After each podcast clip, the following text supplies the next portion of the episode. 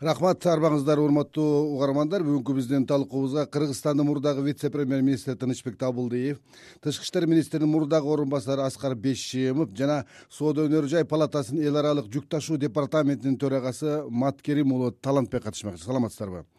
талантбек мырза мына жогоруда айтылгандай кыргыз э, казак чек арасында жүк ташуучулардын э, кезеги күндөн күнгө көбөйүп автоунаалардын саны дагы өсүүдө э, мындай абалдарды мына сиздердин департаментте мындай анализдеп мониторинг жүргүзүп туруп аткан экен акыркы маалыматтар акыркы кырдаал менен бөлүшөсүзбү? Мындай бир жеңилдөө жагына бир өзгөрүү барбы? Саламатсыздарбы урматтуу угармандар. Бул Э, жагдай кыргыз казак чек арасындагы э, азыркы болуп жаткан жагдай э, негизи он тогузунчу март күнү кошуна республиканын президенти отставкасын бергенден кийин жүк ташуучуларга байкала баштаган. жүк ташуучуларга байкала баштаган. Социалдык тармактарда жыйырманчы жыйырма биринчи жыйырманчы жыйырма биринчи марттарда социалдык тармактарда фейсбукта инстаграмда бул тууралуу э, жеке ишкерлердин э, ар кандай жүк ташуучу ассоциациялардын маалыматтары кете баштаган. Бирок э, бул жагдайды биздин өкмөт эмнегедир капарына алган жок. Жана бул маселе көбөйүп жана ырбап баратат деп айтсак болот да. Азыркы күндө бир он он беш мүнөт мурунку алынган маалымат боюнча чек арадагы жагдай кечөкү бир сутканын ичинде кечэкү күндөн бери э, жанагы э, эң көйгөйлүү маселе болуп аткан тнп жана элге керектөөчү товарлар бул э, даяр кийим маселеси. Бул мындай жүк жүктөлгөн бешке жакын эле автоунаа өттү бир сутканын ичинде. Андан сырткары айыл чарба продукциялары өтүп атат. Кыргызстанда тигилген даяр кийимдердин белгилүү гана өлчөмдө өтүп атат. Эмне үчүн дегенде көпчүлүгүндө ката Э, документтериңерде үтүр жок точка жок бул тамгасы унутулуп калган деген сыяктуу негизсиз шылтоолор менен кайра артка кайрылып атат. Э, андан сырткары азыркы алган маалыматка караганда эртеңден баштап казак кыргыз чек арасында фитосанитардык кызмат дагы текшерүүсүн баштайт деген э, маалыматтар келип атышат чек арадан азыркы күндө айыл чарба продукциясынан картошканы өткөргөнгө тоскоолдуктар жаратыла баштады. андан башка э, жанагы кургак жер жемиштер э, башка жана бат бузулуучу жер жемиштер э, акырын акырын өтүп жатат деген маалымат келди. Азыркы күндө объездной жол менен где то беш километрге жакын кезек күтүү узарды. бул эмне демек? Бир үч жүздүн тегерегинде автоунаа азыр кезек күтүп рахмат э, тынычбек агай э, мына э, он күндөн ашып калды. Казак кыргыз чек арасындагы түзүлгөн автоунаалардын тыгыны. Сиз муну эмне деп баалап жатасыз? Он күндөн ашык убакыт өтсө дагы кыргыз өкмөтү өзүнүн бир позициясын же болбосо аракетин айтпагандыгы түшүндүрбөгөн сиз кандай баалап атасыз? Мен дагы ушу бир жумадан бери интернеттен окуп алып таң калып отурам да. эч кандай бир түшүндүрүү информациясы жок да биздин өкмөт тараптан мен муну биринчиден биз ушул бирикмеге экономикалык бирикмеге кирип атканда кыргызстандын баардык ар тараптуу карап даярданбай киргендигин дагы бир далили себеби бул окуя биринчи жолу болуп аткан жок.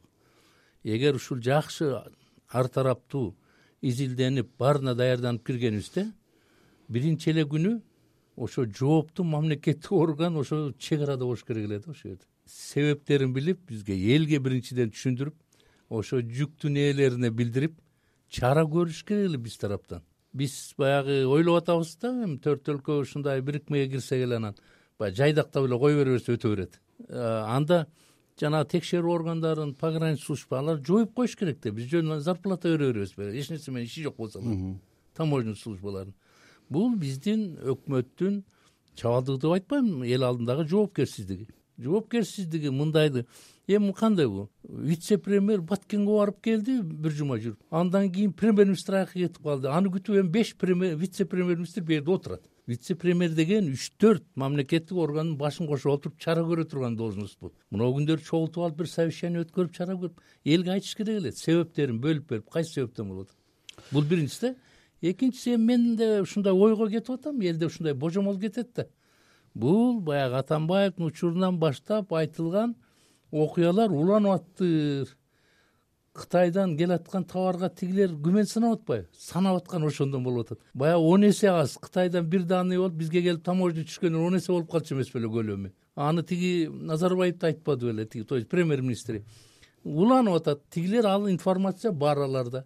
Алар ошон үчүн ар бир жанагы документи менен э, фактический дал келбегенди текшерип атканы информацияны билишет. Азыр дагы уланталы аскар мырза угуп атасыз бизди азыр менен биз менен байланышта кыргызстандын тышкы иштер министри мурдагы орун басары аскар бейшимов турат. Аскар мырза айтсаңыз мына бул э, маселелерди чечүүдө ушундай кырдаалдар түзүлүп калганда кыргыз өкмөтүнүн бир өңүрү мына тышкы иштер министринде бир орду болуш керек эле. Ал да бир кеп айтыш керек беле бир аракеттерди жасаш керек беле? Жок эми биринчи айта турган нерсе бул азыркы түзүлгөн кырдаал бул туура эмес көрүнүш. Эмнеге дегенде баягы евразиялык экономикалык бириктмени түзгөндө биз э, биринчи ирет баягы соода тармагын бүт тоскоолдуктарды алып кеңири соода кылабыз деп сүйлөшкөнбүз одон кийин азыр өзүңүздөр көрүп атасыздар баягы он жетинчи жылы болгон окуя биздин чек ара жабылып. Бүгүн дагы ошонун бир түрү. Анан эми азыр э, биздин баягы чоң э, грузовой машиналарды өткөзбөгөн бирок жыл ичинде эле көп товарлар өтпөй калган да. Аларды кайтарып о россиянын петухово неме границадан кайтара кайтарып. Бул сөзсүз түрдө баягы евразиялык экономикалык бирикменин ичинде каралыш керек. Ошонун ичинде милдетиме баарыбыз алганбыз. Ошонун ичинде дагы казакстан. Эгерде бизге бир тоскоол же бизге бир дооматы болсо сөзсүз түрдө алар ушул комиссияга даттануусун жазып бизге бир кандай э, претензиясы болобу ошолорду көрсөтүп анан ошолордун чечимин караш керек. Анан эми азыркы болуп аткан кырдаал. Бул менин оюмча бул баягы жасалма түрдө эле шылтоо менен эле азыр товарларды өткөзбөш. Эми бирок көп эле эксперттер азыр казакстанда өздөрү деле айтып калышты. Бунун себеби баягы хоргоз базарын кытай казак чек арасында ошону э, өнүгүүсүнө ошого шарт түзөбүз. Ошол ошонун ичинде аны сөзсүз түрдө кыргызстандан көп эле кытайдын товарлары дагы өтүшөт да. Ошону азыр ошого тоскоол кылып өзүнүкүн көтөрүш. Ошол максат ошодо. Аскар мырза негизи биздин э, тышкы иштер министрлиги же экономика министри сөзсүз түрдө ошо евразиялык экономикалык бирикменин ичинде комиссияга маселени коюп анан ошол маселенин ичинде чечилиш керек эле. Эгерде бул бирикме чыныгы эле баягы иштей турган болсо. Аскар мырза мына мындан эки жыл мурдагы түзүлгөн кырдаалдын негизги себеби эки мамлекеттин башчыларынын ортосундагы жеке мамилелерге байланыштырган э, айтылды эле да. Бул жолу да ошондой эки өкмөт башчынын же эки мамлекет башчынын бир мамилелерине байланышы барбы жок бул мамилеси э, барбы жокпу мен аны айта албайм го бирок менин оюм булар мына хоргоз маселесин өнүктүрөбүз ошол бүт товарларды өткөзөбүз деп. Өзүңүздөр билесиздер мына он төртүнчү жылы биз евразиялык экономикалык бирикмеге кирбей турганда казакстан өзүнө үч миң сегиз жүз позиция э, кытай менен нөлгө алып алган. Моундай дегенде жеңилдеткен баягы шарттар менен алып кирүү. Ошол боюнча алар үч жылга дешкен эми он төрт жылдан бери азыр уже беш жыл өттү. Ал жөнүндө биз дагы маселени көтөрбөдүк ошо жеңилдеткен учурда эле алар кытай товарларын алып кирип атат. Анан ошого азыр биздин мына дордой мадина кара суу базарларына чектөө киргизип бир жасалма түрдө аларды киргизбөө шарттарын көрүшүп атат го анда биз менен байланышта да болуп туруңуз. Э, талант мырза мына казак тарап коюп аткан талаптар ушул биз мүчө болгон казакстан мүчө болгон евразия экономикалык биримдигинин регламенттеринин негизиндеби же казак тараптын казак өкмөтүнүн коюп жаткан талаптарыбы булар? Сөзсүз түрдө э, биз бул экономикалык биримдикке кирдик мына агай дагы айтып кетти бул биз бул экономикалык биримдикке кирип жатканда өтө шашылыш түрдө. Жана бирөөлөрдүн кыйноосу менен эле киргендей сезилип атат да мага. Эмнеге дегенде кыргызстан бул жака э, техникалык жактан э, саясий жактан экономикалык жактан даяр эмес болчу. Э, азыркы күндө казак тараптын коюп аткан талабы эмне? Биз дейт казакстанга кирип аткан товарды мониторинг кылып атабыз. Казакстанга кирбеши керек болгон товарларды мониторинг кылып атабыз. Ошол эле учурда ошону менен эле барабар бажы көзөмөлдөө кызматын да жасап атышат да. Бул айта турган болсок э, экономикалык биримдиктин регламенттерине эч бирөөсүнө туура келбейт. Кагаз жүзүндө жазылган нерсенин эч бирөөсүнө туура келбейт. Эмне үчүн дегенде аякта ак кара жазылып турат. Чек арада чек ара өткөрүү пункттарында э, чек ара кызматынын контролунан башка эч кандай расмий уюм текшерүү жана башка көзөмөлдөө кызматын кылбаш керек деген ачык даана так жазылып турат да. Азыркы күндө бул жерде казакстандын салык инспекциясы жана бажы көзөмөлдөө инспекциясынан деп экөөнү бириктирип бир бирим түзүп ошолор көзөмөлдөө жүргүзүп жатат. Бул деген эмне деген сөз?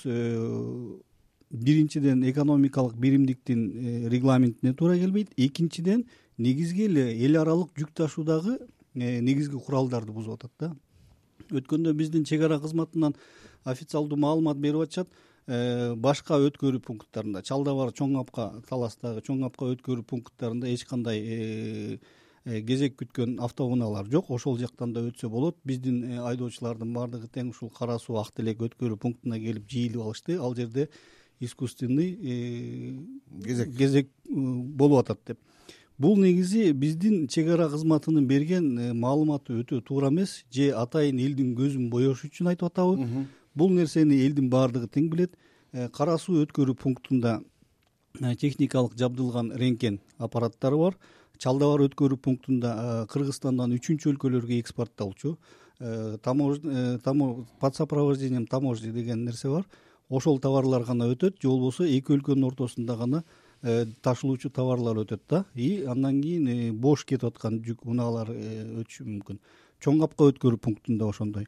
Негизи евразиялык экономикалык биримдиктин ичине ташылчу товарлардын баардыгы тең казак тарап ушул кара суу өткөрүү пунктуна өткөзүп атышат. Эмне үчүн дегенде ал жерде рентген аппараты бар.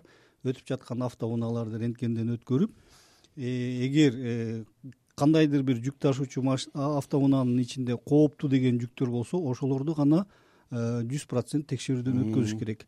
Эл аралык э, жүк ташуунун э, регламенттери боюнча компьютер өтүп жаткан жүз машиненин арасынан оноону компьютер өзү тандайт жана ошолорду толук көзөмөлдөн же болбосо толук текшерүүдөн өткөрөт деген бир курал бар. Азыркы күндө казак тараптын кылып атканы ар бир автоунааны текшериш жыйырма эки тонналык бир автоунааны ичиндеги кийим кечекти текшериш элестетип көрдүңүзбү? Бери дегенде бир машинеге он он эки саат убакыт кетет. Анан бул жерде айтылып атпайбы жанагы жүк ташуучулар э, өзүлөрү искусственный жанагы эме кезектерди узартып атат. Казакстанга кирип документи туура эмес болгондор кайра кайтып ошолор кайра очередти башаламан кылып атышат деп. Ал жерде э, жүк ташуучуларда мына ушул жол жабылгандагы эмеде биздин кыргызстанда тигилген кепка бир машина өтүп жатат кепкада э, санап келгенде бир кепка. Он миңдеген кепканын арасынан бир кепка ашык чыгып калган ошол бир кепканын айынан кайра машина артка кайткан. Ушундай жагдайлар өтө көп да. Э, тынычбек агай э, кечээ кыргызстандын чек ара кызматынын өкүлү айтты. Биз казакстан мамлекеттик органдар анын ичинде чек ара кызматы менен сүйлөшүүгө мындай аракет кылсак алар байланышка чыкпай жатат деди да ушуну баса белгилеп айткым келип атат. Муну кандай түшүнсө болот? Казак тарап менен мындай мамлекеттик деңгээлде сүйлөшүү болбой жатат анын натыйжасы болбой жатканынчы эмне бул кырдаалды кантебиз анда? Эми өзүңөр билесиңер да бул биримдиктин э, уставынын негизинде биздин өкмөттөрдүн үстүнөн өкмөт бар. Евразия туурабы. Ооба. Ал эмне отурат анда карап эгер мына мен азыр биринчи угуп атам мондай информацияны ушулар бизде бар болсо эртеси күнү протест жазылып ошону күн тартибине коюш керек да тиги өкмөт. Бизден адамдар иштеп атпайбы он миң долларын алышып ошол жерде отурат министрлер. Ошол эле күнү коюш керек да. Жана обондо каралгандай бир жерде чп болсо каралып биздин фактыларыбыз болсо жана далилдей турган ошо тигилер аша чабып аткан күн тартибине коюп чечиш керек да анда. Аны сүйлөшүп дос тууганбыз кардашпыз деген керек жок. Сайын коюлуш керек да бизди таң калтырган ушул болуп атпайбы эмне үчүн өкмөт койбойт чабалдык кылып аткан. Эми ушу бизде ушундай саясат болгонун байкап атабыз да. Ушу туура ишти айтса деле каяшак айткандай кой жакшы бололу кой жакшы бололу кеп анда эмес да баягы достукта соодада достук жок деп коет. Так болуш керек так айтылыш керек. Мен дагы бир жолу айтайын. Мен жыйырма төрт kgде бүгүн окуганымда ушундай информация жүрөт. Алардын чек ара кызматыныкы биз кыргызстандын өзүнүн товарын текшерген жокпуз анча. Биз тээ кытайдан торгарттан келген товарларды биринчи мониторинг кылып мониторинг көргөзүп атат баягы саны туура келбесин сезгенден кийин биз ачып карап атабыз. Айтып атпаймынбы дагы баягы да документти жанагынтип печатты бияктан жасап коюп веси кытайдан бир келатат саны. А бияка өткөрүп аткан демек ошол мындай кырдаал э, документтеги менен реалдуу товардын ортосуна айырмачылык чыкканда биз кыргызстан тарап коррупциялык э, элементтерге мындай жол берип атабыз эми ошо мындай да. Мен мен ушундай элестетем да. Эгер алар биринчи күнү ошентип айтканда эле бери жакта өзүнүн чек ара кызматтары уюштуруп мындай бир выборочный караш керек эле да үч төрт машинени ушу туурабы туура эмеспи ушентип аткан жок болсо дайыр айтып атам. Ошол факты менен эми жана эки жүз элүү машинени текшерип кереги жок бир беш машинени текшерип туруп анан жанагы өкмөткө тияка караш керек. Эми азыр болбойт да тиги путин аке айталы ошол сүйлөшүп коелу деген болбойт. Тигил өкмөткө чыгарып күн тартибин официальный протоколго жазылып чечими. Ким туура ким туура эмес. Бул жерде капачылык болбош керек. Ал эми хоргос боюнча жана айтып атпайсыңарбы э, тиги аскар. Аскар айтып атпайбы. Эми э бул бул мындай жакшы конкуренция да алар биздин дордойду акыркы он беш жылда иштегенин көрүп ошону түзгөн да. Казакстандын баары биздин дордой менен тура базарга өзбекстан келчү да.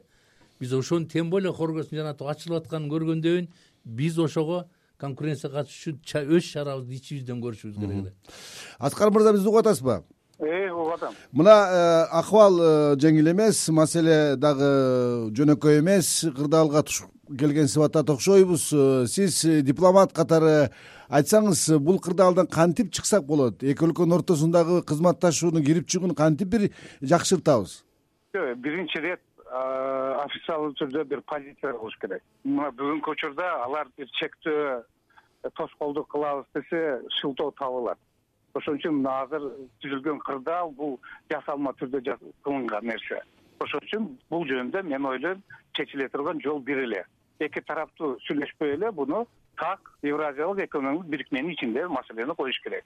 Он жетинчи жылы болду окуя. Одон кийин жыл ичи көп учурда биздин товарлар өтпөй кайтарылып жүргөн. Эми азыр моундай чек арада тоскоол болуп атат. Бул евразиялык экономикалык бирикменин ичинде регламент катары иш болобу жокпу биринчи маселе анан экинчи маселе ошол эле регламент боюнча эгерде казак тарап бир чектөө коопсуздук шылтоолоо же кандай маселе болобу ошол регламентке ылайык бир ай мурда бизге эскертүү берип же маалымат бериш керек. Мына бир айдан кийин моундай киргизип атат бизде жаңы болуп атат. Силердин э, баягы мониторингуңар туура эмес болуп атат. Ошого карата биз мына силерге бир ай мөөнөт беребиз. э, өзгөртпөсөңөр одан кийин чектөө киргизебиз. Анан эми муну каалаган күндө киргизе берсе каалаган күндө чече берсе каалаган күндө ала берсе бул кандай бирикме болду? Азыр жакын арада эле россиянын президенти келип кетти. Ошол э, евразиялык бирикменин астыгы өнүгүүсү боюнча кандай болот? Будан алыс дагы кандай бир кызматташтык болот деп ошол жөнүндө азыр так даана маселени коюш керек да. Биз үчүн дагы анык болуш керек да будан нары кандай жашайбыз. Рахмат э, талант мырза. Э, мына эми он күндөн ашык убакыттан бери бул э, ортодогу жүктөрдүн кирбей чыкпай жатышынын бир эки өлкө тең өзгөчө кыргызстан мына экономикалык жактан зыян тартып атат да. Сиздер мындай бир изилдеп иликтеп мониторинг кылып көрдүңүздөрбү? Биздин экономика канчалык деңгээлде зыян тартып атат?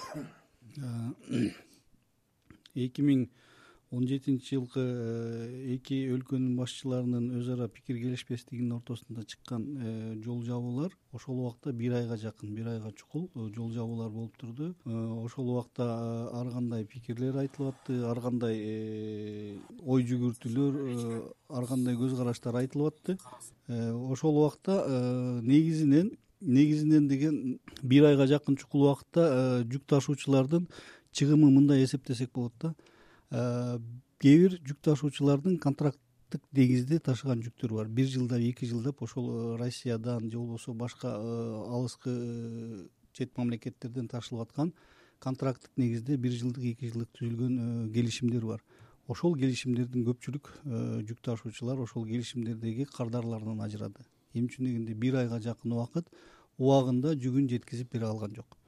Э, анан бул жерде айтылып атат жанагы э, казакстандан э, казакстандын официалдуу бийлиги айтып атат что кыргызстандан жалаң контрабанда ташылып атат. Россияга кирип атканда кытайдан чыккан товар менен кыргызстандан чыккан товардын сан өлчөмү төп келишпейт деген негизсиз жүйөлөрдү коюп атышат? Эми муну алып карап көрө турган болсок казакстандын кытай менен чектешкен харгос алашанку Э, панфилов ошол жактардан кирип аткан жерде бул жерде темир жолу менен дагы автоунаа менен дагы кыргызстанга кирип аткан жүктөн он эсе көп жүк кирет э, ошол жүктөрдүн баардыгы тең э, мындай идеалдуу түрдө баардыгы документи менен эч кандай контрабандасы жок өтүп атат деп казак тарап кепилдик берсе андан кийин эки миң он бешинчи жылдан бери көз караштар пикир келишпестиктер тескери болгонго чейин бул жүктөр өтүп келген эмне үчүн ошол кырдаалда гана бул жүйөлүү маселелерди көтөрүп чыгып атышат жанагы мен айтып кеткен сөзүмдүн башында сиздин берген сурооңуз боюнча тарткан чыгымдар негизи эл аралык жүк ташуудагы э, негизги куралдар элүү доллардан жүз долларга чейин эгер бир күндө келишимдик негизде жүктү убагында жеткизип бербесе ушундай бир жаза чыгымдар бар. Ошол убакта бир айга жакын беш күн эгер россияга жеткизе турган машина беш күн жүгүн кечиктирип барса бул беш жүз доллар же болбосо эки жүз элүү доллар деген негизде бар. Андан кийин ошол жерде айдоочулар бир айлап жумалап ошол жерде тамак ашын жеп э, түнкүсүн жылынганга э, жанагы күйүүчү майларын жагып турушат. Булардын баардыгы тең чыгым. Э, экономика министри эки миң он жетинчи жылкы болгон кырдаалда жүк ташуучулардын ушул короткон жанагы чыгымдардын баардыгын тең компенсация кылабыз дегендей бир мониторинг жүргүзөбүз дегендей нерсе кылынган. Бирок мунун баардыгы тең кагаз жүзүндө сөз жүзүндө калды. Азыркы күндө дагы ушул жагдай пайда болду. Бирок жабыр тарткан ким? Жабыр тарткан эл жана ошол жүк ташуучу фирмалар. Э, тынчбек агай мына казакстандын мурдагы президенти нурсултан назарбаев мен дүйнөдө эки улутту жакшы көрөм жанымда көрөм анын бири кыргыз деп айтты эле да биз боордоштук евразия экономикалык биримдигинен сырткары эки тараптуу мамилелерибиз эки тараптуу келишимдерибиз бар. Деги эле кыргыз казактын мындай мамилесин биз жакшыртуу маселесинде сиздин бир сунушуңуз барбы? Кыскара айтып бериңизчи жыйынтыктап коелу менин сунушум э, биз өзүбүздүн бизнестен бизнес структура жана жүк ташуучулар менен катуу иш алып барышыбыз керек. Сапаты саны документи тарабынан биз жолго коюшубуз керек. Качанга чейин эле жалдырап жүрө беребиз? Мунуну өткөрүп кой карап кой анан элибиз кыйналып атат деп. Биз ошолордун стандартына туура келишибиз керек биринчиден. А туура келгенден кийин токтотуп атса жанагындай официальный маселени тияка коюш керек. Биз дайыма ошо эки кишиге такап эле көнүп калдык да аны карабашыбыз керек. Мыйзам негизинде иштеш керек. Рахмат э, урматтуу радио каармандар. Бүгүн биз кыргыз казак чек арасында түзүлгөн кырдаал жана анын чечүүнүн жолдору темасында кеп кылдык. Бүгүнкү биздин талкуубузга кыргызстандын мурдагы вице э, премьер министр тынычбек табылдиев тышкы иштер министринин мурдагы орун басары аскар бешимов жана соода өнөр жай палатасынын эл аралык жүк ташуу департаментинин төрагасы маткерим уулу талантбек катышты. Берүүнү мен бакыт орунбеков алып бардым. Кайрадан эфир аркылуу жолукканча саламатта калыңыздар